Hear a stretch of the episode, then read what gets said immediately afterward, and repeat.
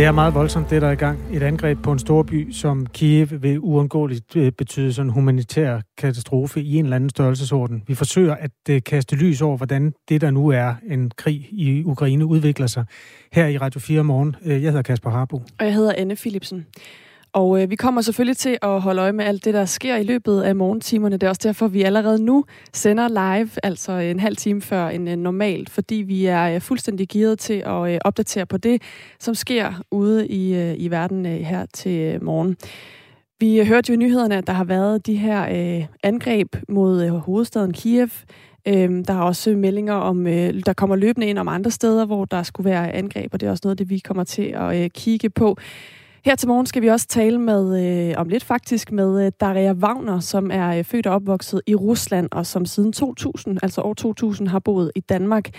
Hun er meget påvirket af den her situation som russisk født, og øh, det er noget, det vi skal tale med hende om lige om lidt. Christian Søby Christensen er seniorforsker ved Center for Militære Studier ved Københavns Universitet og hjælper os med at analysere de kamphandlinger, som er i gang, som øh, i nattens løb jo har vist, hvad det er, der ser ud til at være russernes intention med invasionen i Ukraine. Øhm, målet ser blandt andet ud til at være hovedstaden Kiev, og det var der ikke mange, der havde forestillet sig for bare 3-4 dage siden. Den øh, analyserer vi altså om 8-10 minutter her i Radio 4 morgen, og hvis du har spørgsmål, som du synes, øh, vi skal søge svar på, så kan du under alle omstændigheder skrive til os. Du må også gerne øh, skrive alt muligt andet. 1424 er nummeret ind til Radio 4 morgens studie. Start oh. din besked.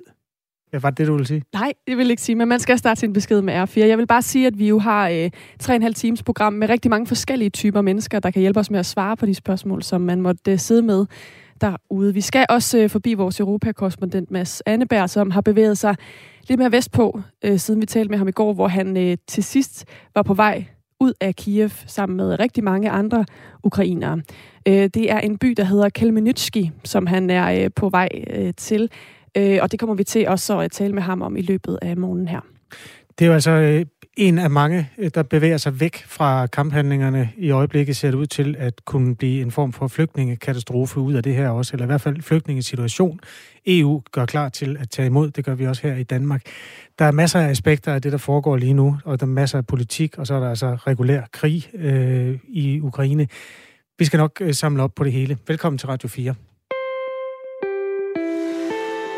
Og vi starter med at tale med øh, en af dem, der sidder her i Danmark og er påvirket af den situation, der er i Ukraine lige nu. Det er Daja Wagner. Godmorgen. Godmorgen. Som bor i Danmark med, øh, med sin mand og øh, sine fem børn, men er født og opvokset i den russiske by Obninsk, der ligger 110 km sydvest for hovedstaden Moskva og som så flyttede til Danmark fra øh, Rusland i øh, år 2000. Jeg ved, øh, Daja, der at du har fulgt med minut for minut siden Rusland indledte angrebet på Ukraine tidligt i går morges, og jeg ved faktisk også, at du meldte dig syg på dit arbejde i går. Hvordan kan det være? Jeg kunne slet ikke sove i går. Jeg var simpelthen så chokeret af de nyheder, hele opdragningssituationen, og man også forventede angreb hver minut. Og det er cirka 34 dansk tid, hvor det var blevet tydeligt, at der ikke kan være noget tale om fejltagelse eller misinformation. Den var desværre god nok, at Rusland var en, har indledt en fuldt blæst militær invasion af Ukraine. Da, da det gik op for mig, at det var sandt, så lå jeg græd et par timer. Uh, jeg kunne simpelthen ikke hænge sammen i går. Hvordan kan det være, at det påvirkede dig på den måde? Det er jo mit land, der nu fremstår som aggressor. Og desuden så har jeg været en af dem, der til, lige til det sidste troede, at han ikke vil gøre det. Jeg har, jeg har forstået det for alle mine bekendte og kolleger og venner, at han var ikke så sindssyg. Jeg vidste godt, at han var morder, og han var i stand til at give ordre til at forgifte sine politiske abonnenter som Alexej Navalny.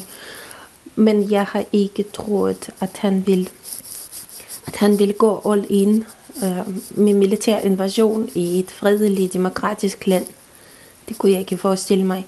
Og nu, når, når man nu tænker den tanke fuldt ud og analyserer det fakta, vi har nu, og hvor ligeglad Putin er med alle vores mod, sanktioner og alle, alt, hvad Vesten siger, så, så tror jeg ikke, at han kommer til at stoppe ved Ukraine.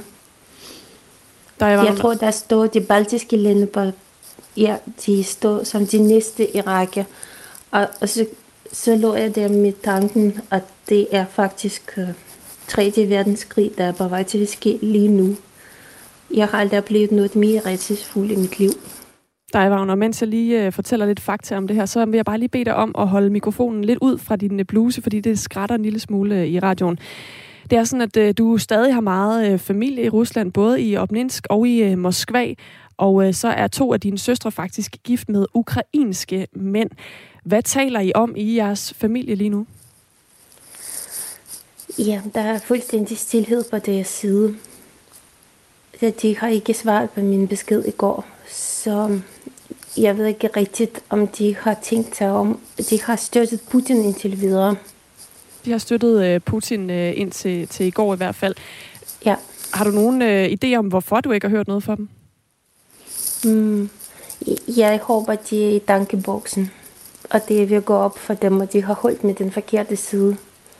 Jeg lykkedes ikke med at overbevise dem om det. De kan ikke lide Navalny, og, og jeg kunne ikke komme videre. Så vi talte om børn, og hvordan det går på arbejde, og alt muligt andet, men ikke politik. Men nu tror jeg faktisk, de fleste af russer, dem der endnu har støttet Putin, de vil vende sig om. I går aftes så var det massive demonstrationer i de større russiske byer. Om aftenen så så jeg fra OVD'en for, det er sådan en sammenslutning af advokater, der forsvarer anholdte netop for at demonstrere, Øhm, um, at det var 1635 anholdt. Af dem så var 900 mennesker anholdt i Moskva alene. Og de russiske gader så helt sorte ud af mennesker. Så det var rigtig stor tilslutning til den stemning, at russerne ønsker ikke krig mod Ukraine. Det er Putins krig, det er ikke russernes krig. Du er jo altså øh, født og opvokset i øh, en russiske by Obninsk, øh, 110 km sydvest for hovedstaden Moskva, og så bor du i Danmark. Hvordan øh, har det været at være i Danmark i det seneste døgns tid som øh, russisk født? Jeg har ikke oplevet noget form for fjendtlighed øh, fra nogen som helst. Jeg var til øh, en demonstration sammen med ukrainere i går ved den russiske ambassade. Og udover russer, så var der også polakker og ungarer og litauer og hvide russer og georgier og azerbaijaner. Det var rigtig mange forskellige nationaliteter, der har bedt om at sige noget.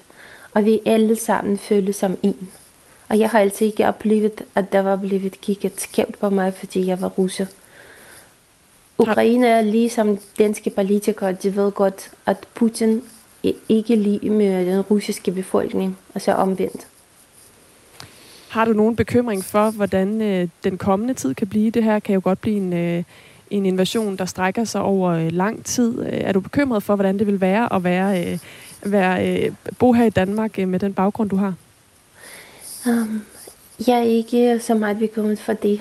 det. Det, jeg kan mærke, det er voksende frustration. Det er ligesom gang på gang, hvor vi gik for at demonstrere mod noget, som Putin gør i, i Rusland. Så synes jeg, at svaret i de vestlige lande, det har været en EU-parlamentsresolution, og valgene skal også ledes omgående, og, og så sker der ikke, og så er der ingen konsekvens. Der er rigtig, rigtig mange gange, hvor vi har observeret, at der ikke er reelt noget konsekvens for Putin for de ugerninger, som han begår. Og lige nu så ser jeg frustreret til, at Kiev bliver tæppebombet, og der er ikke noget substantielt respons. Ja, mm, der er økonomiske sanktioner, der kommer til at gøre ondt. Jeg tror, vi skal simpelthen gå all in og støtte Ukraine, også militært.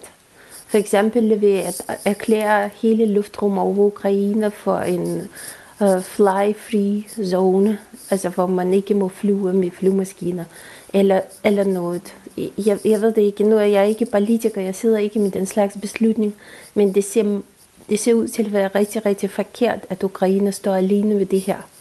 Og som sagt, så, så stopper Putin sikkert ikke ved en inddrage Ukraine.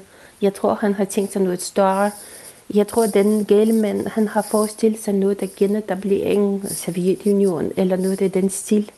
Der er simpelthen ikke nogen rationale, der forklarer hans angreb på Ukraine. jeg, jeg kan ikke forestille mig andet end, at der, ja, han er ikke adekvat. Det er ligesom Angela Merkel har sagt, han har mistet greb øh, i virkeligheden. Du skal have tak, fordi du var med her. Der er Wagner, som øh, til daglig er patentadvokat, og som altså har øh, russisk baggrund, men har boet i øh, Danmark de seneste ja, 22 år, er det faktisk blevet. Klokken er 16 minutter i 6. Radio 4 sender live her til morgen for at skabe overblik over det. Der er en øh, russisk invasion i fuld øh, gang.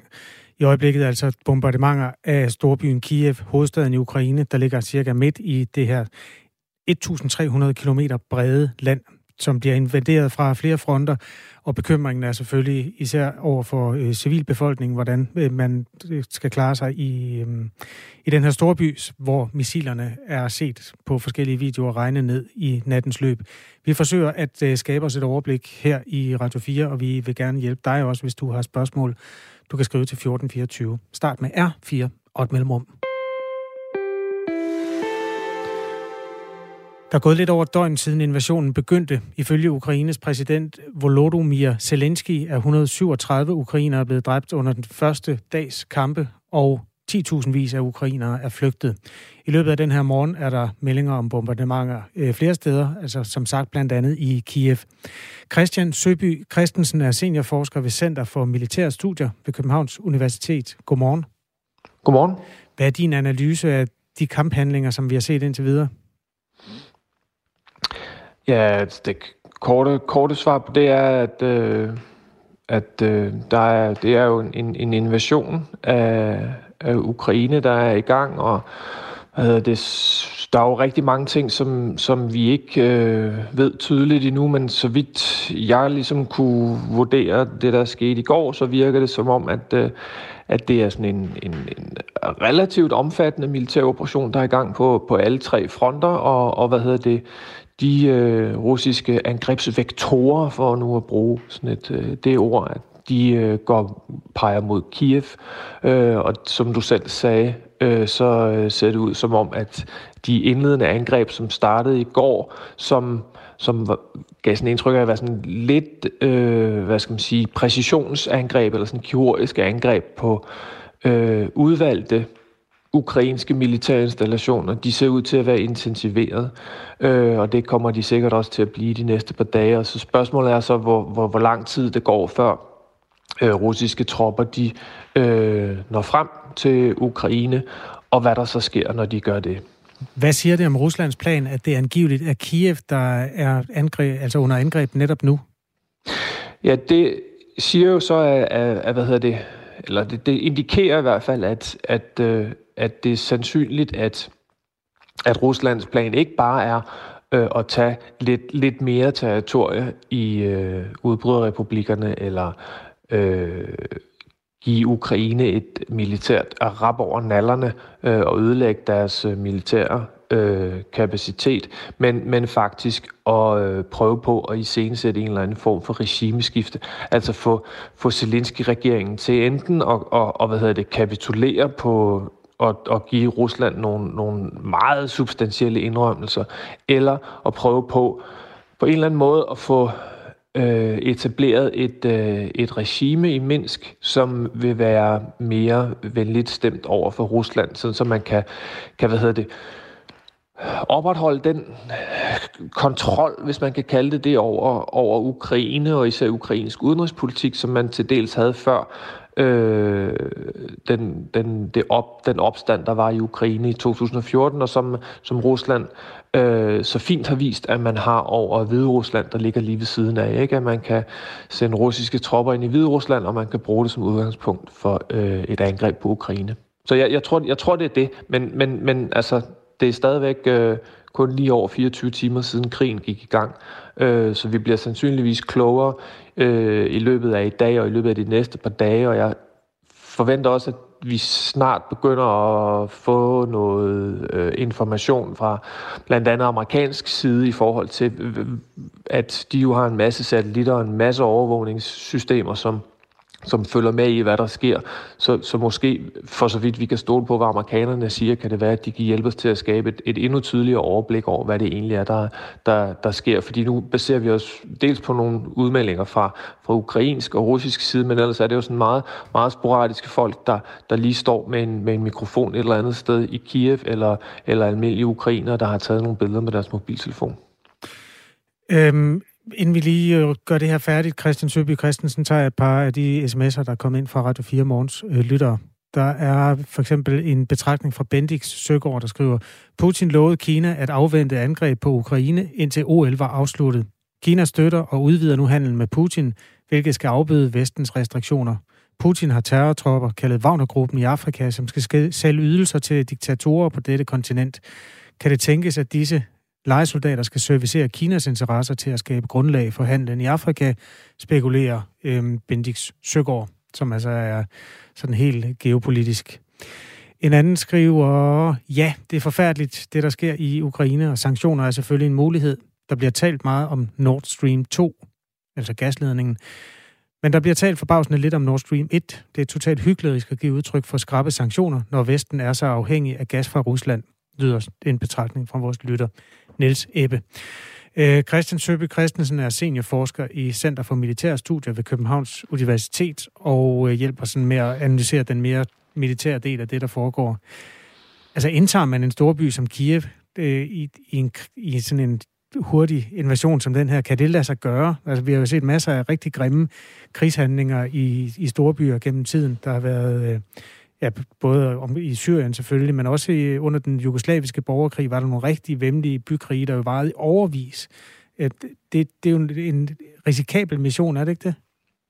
Jo, altså du sætter, sætter fingeren på, på, på, hvad hedder det, kernen af problemet. Jeg tror også, du sætter fingeren på det, som, som, som bekymrer øh, den, nogen, altså den russiske generalstab. Det vil i hvert fald bekymre mig, hvis jeg var den russiske generalstab. Det er, hvordan, hvordan udvikler det her det her, så når man, når man kommer til Kiev.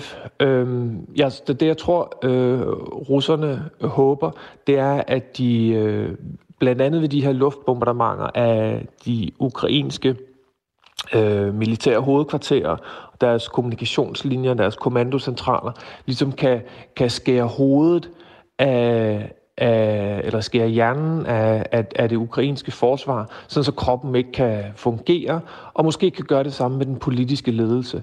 Altså så man kan, kan lamme øh, de ukrainske beslutningstager, både de militære og de civile, og på den måde ligesom kan, kan køre ind i, øh, i Kiev og sætte sig på, øh, på hvad hedder det, de, de centrale øh, steder, altså parlamentet, præsidentpaladset, måske endda finde og fange øh, Zelensky, øh, ellers finde og fange de, de andre dele af det ukrainske politiske lederskab, og at byen så vil være, være lammet, og man kan øh, kontrollere situationen og få, få indsat en eller anden form for regime, eller få, få sendt de politiske signaler, man vil, og så mere eller mindre hurtigt på en eller anden øh, ordentlig måde trække sig ud igen.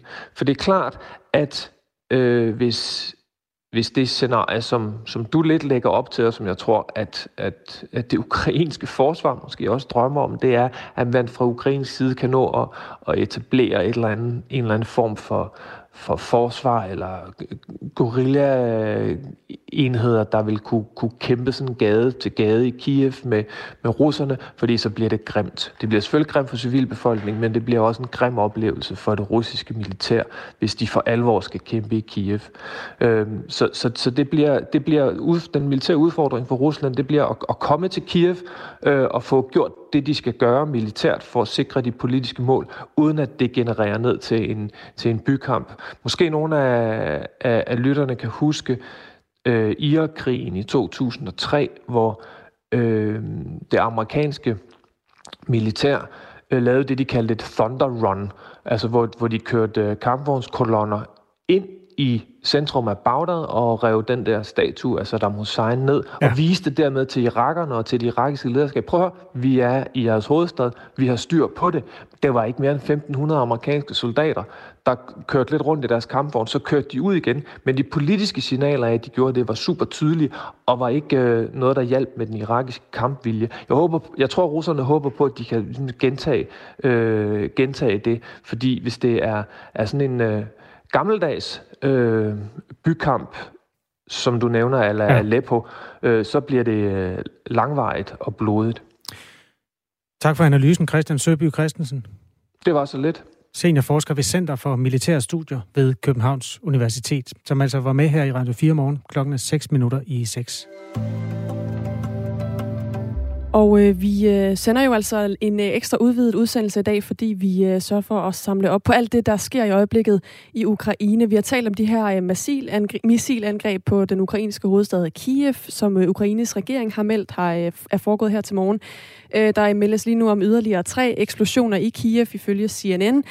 Øhm, og nu vender vi så blikket mod vores Europa-korrespondent Mads Anneberg, som var i Kiev i går, men som nu har øh, bevæget sig vestpå til byen Kelmenetski, som ligger på vejen mod byen Lviv, som ligger længst mod vest, tæt på grænsen til Polen. Godmorgen, Mads. Godmorgen. I har rejst i bil siden i går. Hvordan har øh, aftenen været og natten været? Ja, det har været lidt af en, øh, en bumpy ride, for at være helt ærlig. Altså, vi, vi besluttede os for i går eftermiddag så at sætte kursen mod Lviv, altså den her vestlige by i, i Ukraine, tæt på grænsen til, til Polen, og det er jo nok noget, der så normalt ville tage syv timer, og jeg vil sige, på, på stående fod, så er vi altså sådan lige godt og vel halvvejs. Vi er kommet til den her by, som du udtalte navnet på, så flot. Og øh, altså, det, det har været en lang bilkø simpelthen hele vejen.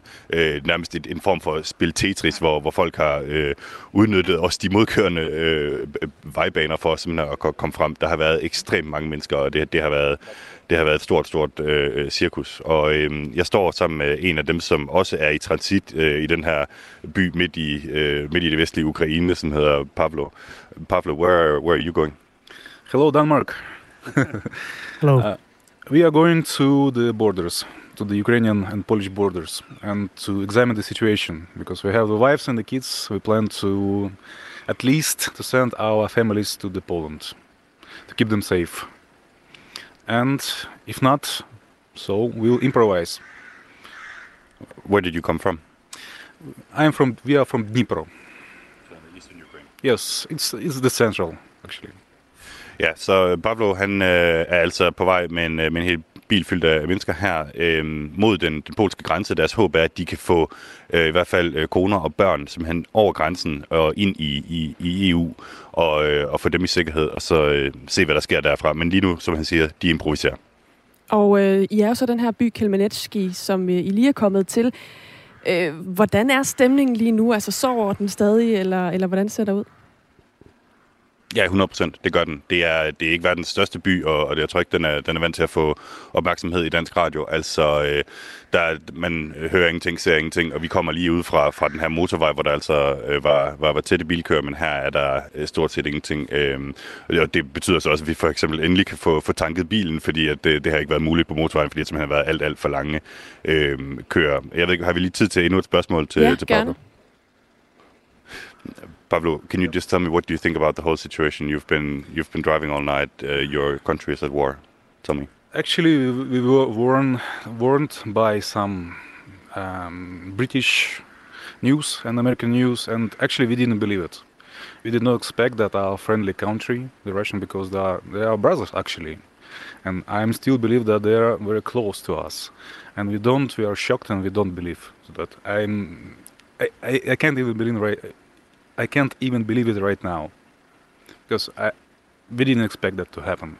I woke up uh, yesterday morning around five o'clock, and I read the news that the, our borders were attacked by the Russian troops, and we all just in, in 20 minutes we took our handbags, took the car, and just left left left the city. Det er så stærke sager, det her. Pablo øh, fortæller, hvordan de i går øh, bare var nødt til at, og, ja, pakke deres kufferter på, på 20 minutter og komme ud.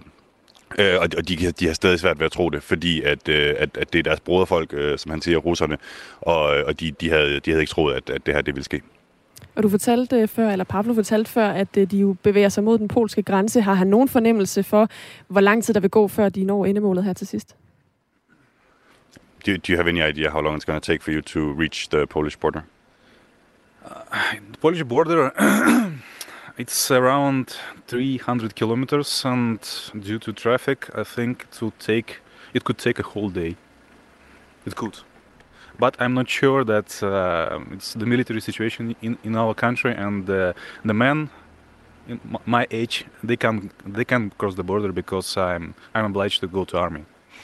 I plan at least send my wife and the kids to Poland to the safe place and then improvise. Pablo, thank you so much.